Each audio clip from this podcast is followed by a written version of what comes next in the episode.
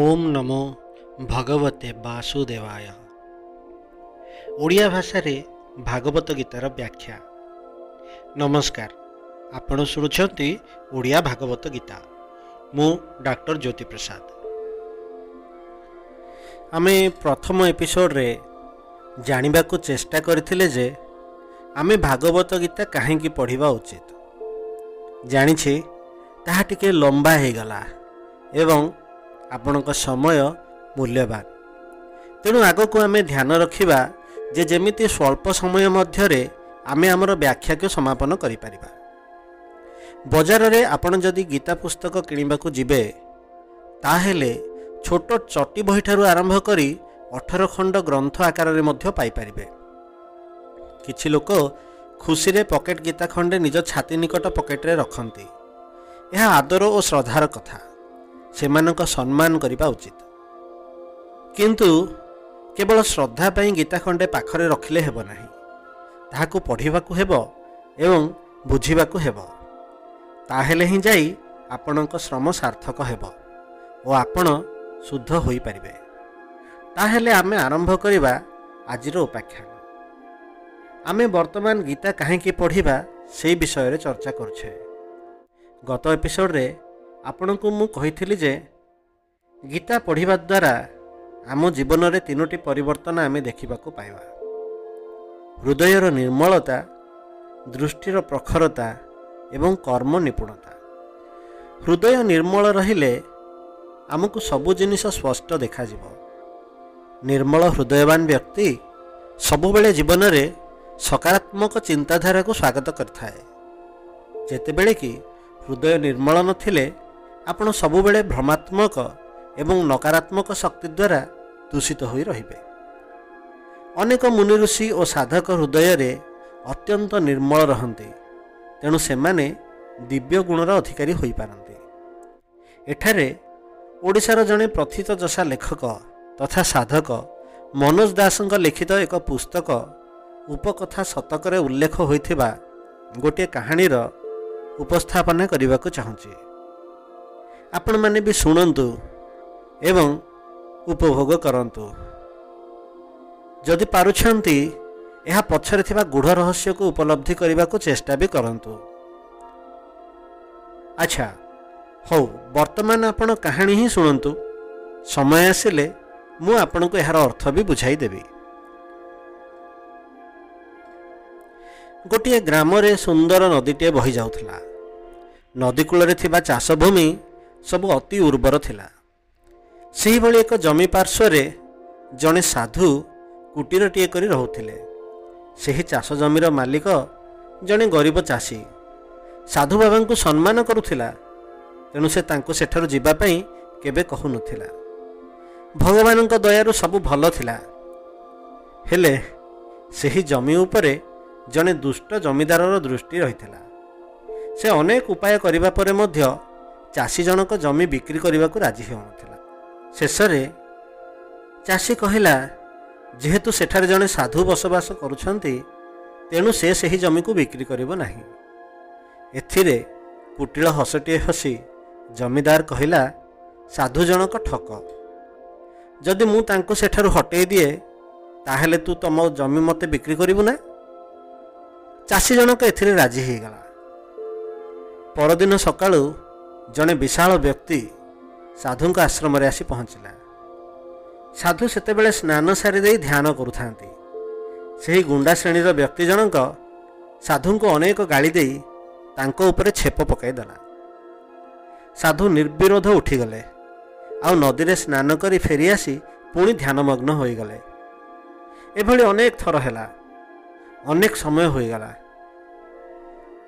ବର୍ତ୍ତମାନ ଗୁଣ୍ଡା ଜଣକୁ ହୃଦୟଙ୍ଗମ ହେଲା ଯେ ସେ ସାଧୁ ଜଣକ ବାସ୍ତବରେ ଜଣେ ଦିବ୍ୟ ପୁରୁଷ ସେ ତାଙ୍କ ପାଦ ତଳେ ପଡ଼ିଗଲା ପାଦ ଧରି କ୍ଷମା ମାଗି କହିଲା ମୋତେ ଆଜ୍ଞା ଜମିଦାର ଦାୟିତ୍ୱ ଦେଇଥିଲେ ବୋଲି ମୁଁ ଏସବୁ କଲି ସାଧୁ ହସି ଦେଇ କହିଲେ ତୁମେ ତୁମ କର୍ତ୍ତବ୍ୟ କରିବାରେ ଆଦୌ ଅବହେଳା କରିନାହଁ। ତେଣୁ ତୁମେ ଧନ୍ୟବାଦର ପାତ୍ର ଏହିସବୁ ଘଟଣା ଲୁଚି ଦେଖୁଥିଲା ଜମିଦାର। ସେ ଦୌଡ଼ି ଆସିଲା ସାଧୁଙ୍କ ପାଦ ତଳେ ପଡ଼ିଗଲା। କହିଲା ଆଜ୍ଞା ଏଇ ଉର୍ବର ଜମିର ଲୋଭରେ ମୁଁ ଏହା କରାଇଥିଲି ସାଧୁ ହସି ଦେଇ କହିଲେ ଆମେ ସଂସାରରେ ରହୁଥିବା ସମସ୍ତ ବ୍ୟକ୍ତି କିଛି ନା କିଛି ଆସକ୍ତିର ବଶବର୍ତ୍ତୀ ଶେଷରେ ଚଷା ଜଣକ ଆସି କ୍ଷମା ମାଗିବା ପରେ ସେ କହିଲେ ଏଇ ପୂଜ୍ୟା ନଦୀ ତଟରେ ଅନେକ ଦିନରୁ ଆଶ୍ରମ କରି ରହିଥିଲି ଏବଂ ମନରେ ଭାବିଥିଲି ଦିନେ ଏହି ଜଳରେ ଶହେ ଆଠ ଥର ସ୍ନାନ କରିବି ବୋଲି। ଆଜି ତୁମ୍ଭ ଯୋଗୁଁ ମୋର ସେ ସ୍ୱପ୍ନ ପୂରଣ ହୋଇପାରିଲା। ଉପରେ ଯେଉଁ କାହାଣୀ କହିଲି ତାହା ଶୁଣିବା ପରେ ମନରେ ପ୍ରଶ୍ନ ଆସେନି ଯେ ଯଦି କୌଣସି ବ୍ୟକ୍ତି ଆମ ସହ ଏଭଳି ବ୍ୟବହାର କରିଥାନ୍ତା ତାହେଲେ ଆମର ପ୍ରତିକ୍ରିୟା କିଭଳି ହୋଇଥାନ୍ତା? କିନ୍ତୁ ସାଧୁ ଜଣଙ୍କ ହୃଦୟ ବହୁତ ନିର୍ମଳ ଥିଲା। ସେ ଘଟଣାର ସକାରାତ୍ମକ ଦିଗ ପ୍ରତି ଅଧିକ ସଚେତନ ଥିଲେ। ଆମକୁ ମଧ୍ୟ ଏହିଭଳି ସକାରାତ୍ମକ ଶକ୍ତି ଆମ ମଧ୍ୟରେ ଜାଗ୍ରତ କରିବାକୁ ହେବ। ଦ୍ୱିତୀୟରେ ହେଉଛି ଦୃଷ୍ଟିରେ ପରିବର୍ତ୍ତନ। ଆମେ ପ୍ରତ୍ୟେକ ଘଟଣାକୁ ବା ବ୍ୟକ୍ତିଙ୍କୁ ବା ପଦାର୍ଥକୁ ଯେଉଁ ଦୃଷ୍ଟିରେ ଦେଖୁ ତାହାର ପରିବର୍ତ୍ତନ।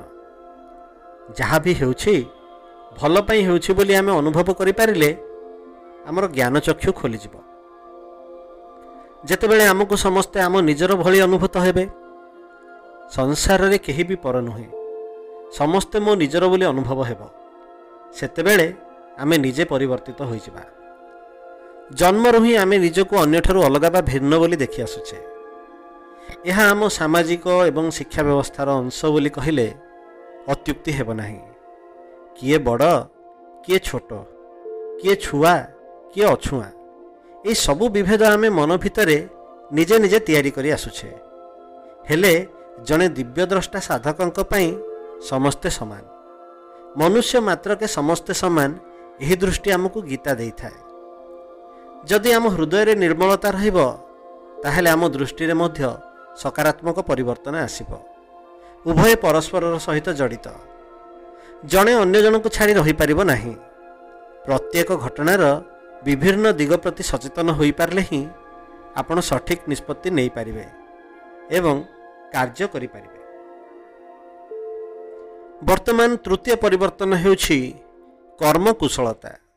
ଯେତେବେଳେ ଆମର ହୃଦୟ ନିର୍ମଳ ରହେ ଆଉ ଦୃଷ୍ଟି ସକାରାତ୍ମକ ଆମ କର୍ମରେ ମଧ୍ୟ କୁଶଳତା ଆସିଯାଏ। ମନେ କରନ୍ତୁ ଆପଣ କୌଣସି କାର୍ଯ୍ୟ କରୁଛନ୍ତି। ଯଦି ଆପଣଙ୍କୁ ତାହା କରିବାକୁ ଭଲ ଲାଗୁଥାଏ ତାହେଲେ ଆପଣ ଖୁସି ଖୁସି ସେହି କାର୍ଯ୍ୟକୁ ସୁଚାରୁ ରୂପେ କରିଦେଇପାରିବେ କିନ୍ତୁ ବେଳେବେଳେ ଆମକୁ ବାଧ୍ୟତାମୂଳକ ଭାବରେ କିଛି କର୍ମ ବା ଦାୟିତ୍ୱ ଦିଆଯାଇଥାଏ। ଯଦି ସେତେବେଳେ ଆମର ହୃଦୟରେ କାର୍ଯ୍ୟ ପ୍ରତି ସ୍ପୃହା ନଥାଏ ଦୃଷ୍ଟିକୋଣ ବି ସକାରାତ୍ମକ ହୋଇପାରେ ନାହିଁ ଏବଂ କର୍ମକୁଶଳତା ଆଦୌ ଆସେ ନାହିଁ। ତେଣୁ ଯେତେବେଳେ ଏହି ତିନୋଟି ବିଷୟରେ ଆମେ ଅଜ୍ଞ ଆମେ ଚାହିଁଲେ ବି ଆମ କାର୍ଯ୍ୟ ସଫଳ ହେବ ନାହିଁ। ସେହିପରି କେବଳ ନିର୍ମଳ ହୃଦୟ ଥିଲେ ବି ଯଦି ଆପଣଙ୍କ ଦୃଷ୍ଟିଭଙ୍ଗୀ କୁଟିଳ ତାହେଲେ ଆପଣ ମହାନ ହୋଇପାରିବେ ନାହିଁ। ଲଙ୍କାପତି ରାବଣ ଭଳି ବ୍ୟକ୍ତି ଯାହାର ଦୃଷ୍ଟିଭଙ୍ଗୀ ସକାରାତ୍ମକ ଥିଲା ଏବଂ କାର୍ଯ୍ୟକୁଶଳତା ବି ତଳିଥିଲା କେବଳ ନିଜର ହୃଦୟରେ ନିର୍ମଳତା ନଥିବା ହେତୁ ନ୍ୟୁନ ହୋଇ ରହିଲା। ରାବଣ ମହାଜ୍ଞାନୀ ଥିଲା। ସେ ଶିବଙ୍କ ଉପାସକ ଓ ଭକ୍ତ ବି ଥିଲା। ଆଉ ତା କର୍ମକୁଶଳତା ସମସ୍ତେ ଜାଣିଥିଲେ। କିନ୍ତୁ ସେ କୁଟିଳ ହୃଦୟ ହେତୁ ଅପମାନିତ ହୋଇଥିଲା। ଜଣେ ବ୍ୟକ୍ତି ତିନୋଟି ବିଷୟରେ ସମୃଦ୍ଧ ହେଲେ ହେଁ ସେ ଉତ୍ତମ ପୁରୁଷ ଭାବରେ ଜୀବନ ବିତେଇ ପାରିବ। ମହାଭାରତରେ ଏଭଳି ଅନେକ ଚରିତ୍ର ଆପଣ ଦେଖିବାକୁ ପାଇବେ ଯେଉଁମାନେ ଏଭଳି ଚରିତ୍ରର ଅଧିକାରୀ ଥିଲେ। ମହାଭାରତ ଯାହାର ଅଂଶ ମାତ୍ର ହେଉଛି ଭାଗବତ ଗୀତା ଏକ ମହାନ ଗ୍ରନ୍ଥ। ଏହା ପୂର୍ବରୁ ରାମାୟଣ ବି ମହାନ ଗ୍ରନ୍ଥ ଭାବରେ ପ୍ରସିଦ୍ଧି ଲାଭ କରିଥିଲା। ରାମାୟଣ ଆମକୁ ମହାନ ହେବା ପାଇଁ କେଉଁ ସବୁ ଉପାଦାନ ଆବଶ୍ୟକ ତାହା ରାମଙ୍କ ଚରିତ୍ର ଦ୍ୱାରା ଜଣାଇ ଦିଆଯାଇଥିଲା।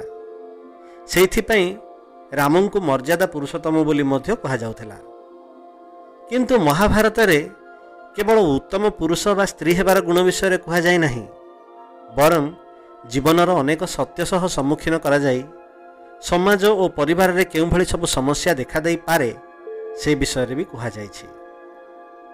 ମହାଭାରତ ଆମକୁ ଜୀବନଚର୍ଯ୍ୟା ସମେତ ରାଜନୀତି ଅର୍ଥନୀତି ବିଜ୍ଞାନ କୌଶଳ କୂଟନୀତି ଇତ୍ୟାଦି ଅନେକ ବିଷୟରେ ଜ୍ଞାନ ଦେଇଥାଏ। ସ୍ପଷ୍ଟ କଥା ମହାଭାରତ ପରେ ଏଭଳି ମହାନ ଗ୍ରନ୍ଥ ଆଉ ଲେଖାଯାଇ ନାହିଁ।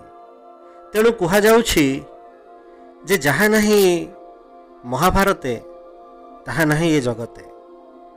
ମହାଭାରତ ଅଠର ଖଣ୍ଡରେ ବିଭକ୍ତ। ଏହାର ଏକ ପର୍ବ ଯେତେବେଳେ କୌରବ ଓ ପାଣ୍ଡବ ସେନାଙ୍କ ମଧ୍ୟରେ ଯୁଦ୍ଧ ଆୟୋଜିତ ହୋଇଥିଲା ସେହି ସମୟରେ ପାଣ୍ଡବ ପକ୍ଷର ବୀର ଅର୍ଜୁନ ଗ୍ଲାନିଗ୍ରସ୍ତ ହୋଇ ଯୁଦ୍ଧ ପାଇଁ ଅନିଶା ପ୍ରକାଶ କରିଥିଲେ। ଏହାପରେ ଶ୍ରୀକୃଷ୍ଣ ତାଙ୍କୁ ଧର୍ମ ଓ ଅଧର୍ମ ମଧ୍ୟରେ ଯୁଦ୍ଧ ବିଷୟରେ ଦିବ୍ୟ ଜ୍ଞାନ ଦେଇଥିଲେ। ତାହାକୁ ଭାଗବତ ଗୀତା ବୋଲି କୁହାଯାଏ। ଗୀତା କେଉଁ ପରିସ୍ଥିତିରେ ସୃଷ୍ଟି ହୋଇଥିଲା ଏବଂ ଏହାର ପୂର୍ବାପର ପ୍ରସଙ୍ଗ ଆମେ ଶୁଣିବା ପୁଣି ଅଲଗା ଏପିସୋଡ଼ରେ। ଆଜି ପାଇଁ ଆମେ ଭାଗବତ ପାଠକୁ ଏଇଠି ସମାପନ କରିବା। ପୁଣି ଆସିବା ଆଉ ଏକ ଏପିସୋଡ଼ରେ ଆଜି ପାଇଁ ଏତିକିରେ ରହିବା। ଆମର ଆଗାମୀ ଏପିସୋଡ଼ ଶୁଣିବା ପାଇଁ ଆମ ପଡ଼କାଷ୍ଟକୁ ଲାଇକ୍ କରନ୍ତୁ ଏବଂ ଆପଣଙ୍କୁ ଭଲ ଲାଗିଲେ ବନ୍ଧୁମାନଙ୍କ ସହ ସେୟାର କରନ୍ତୁ।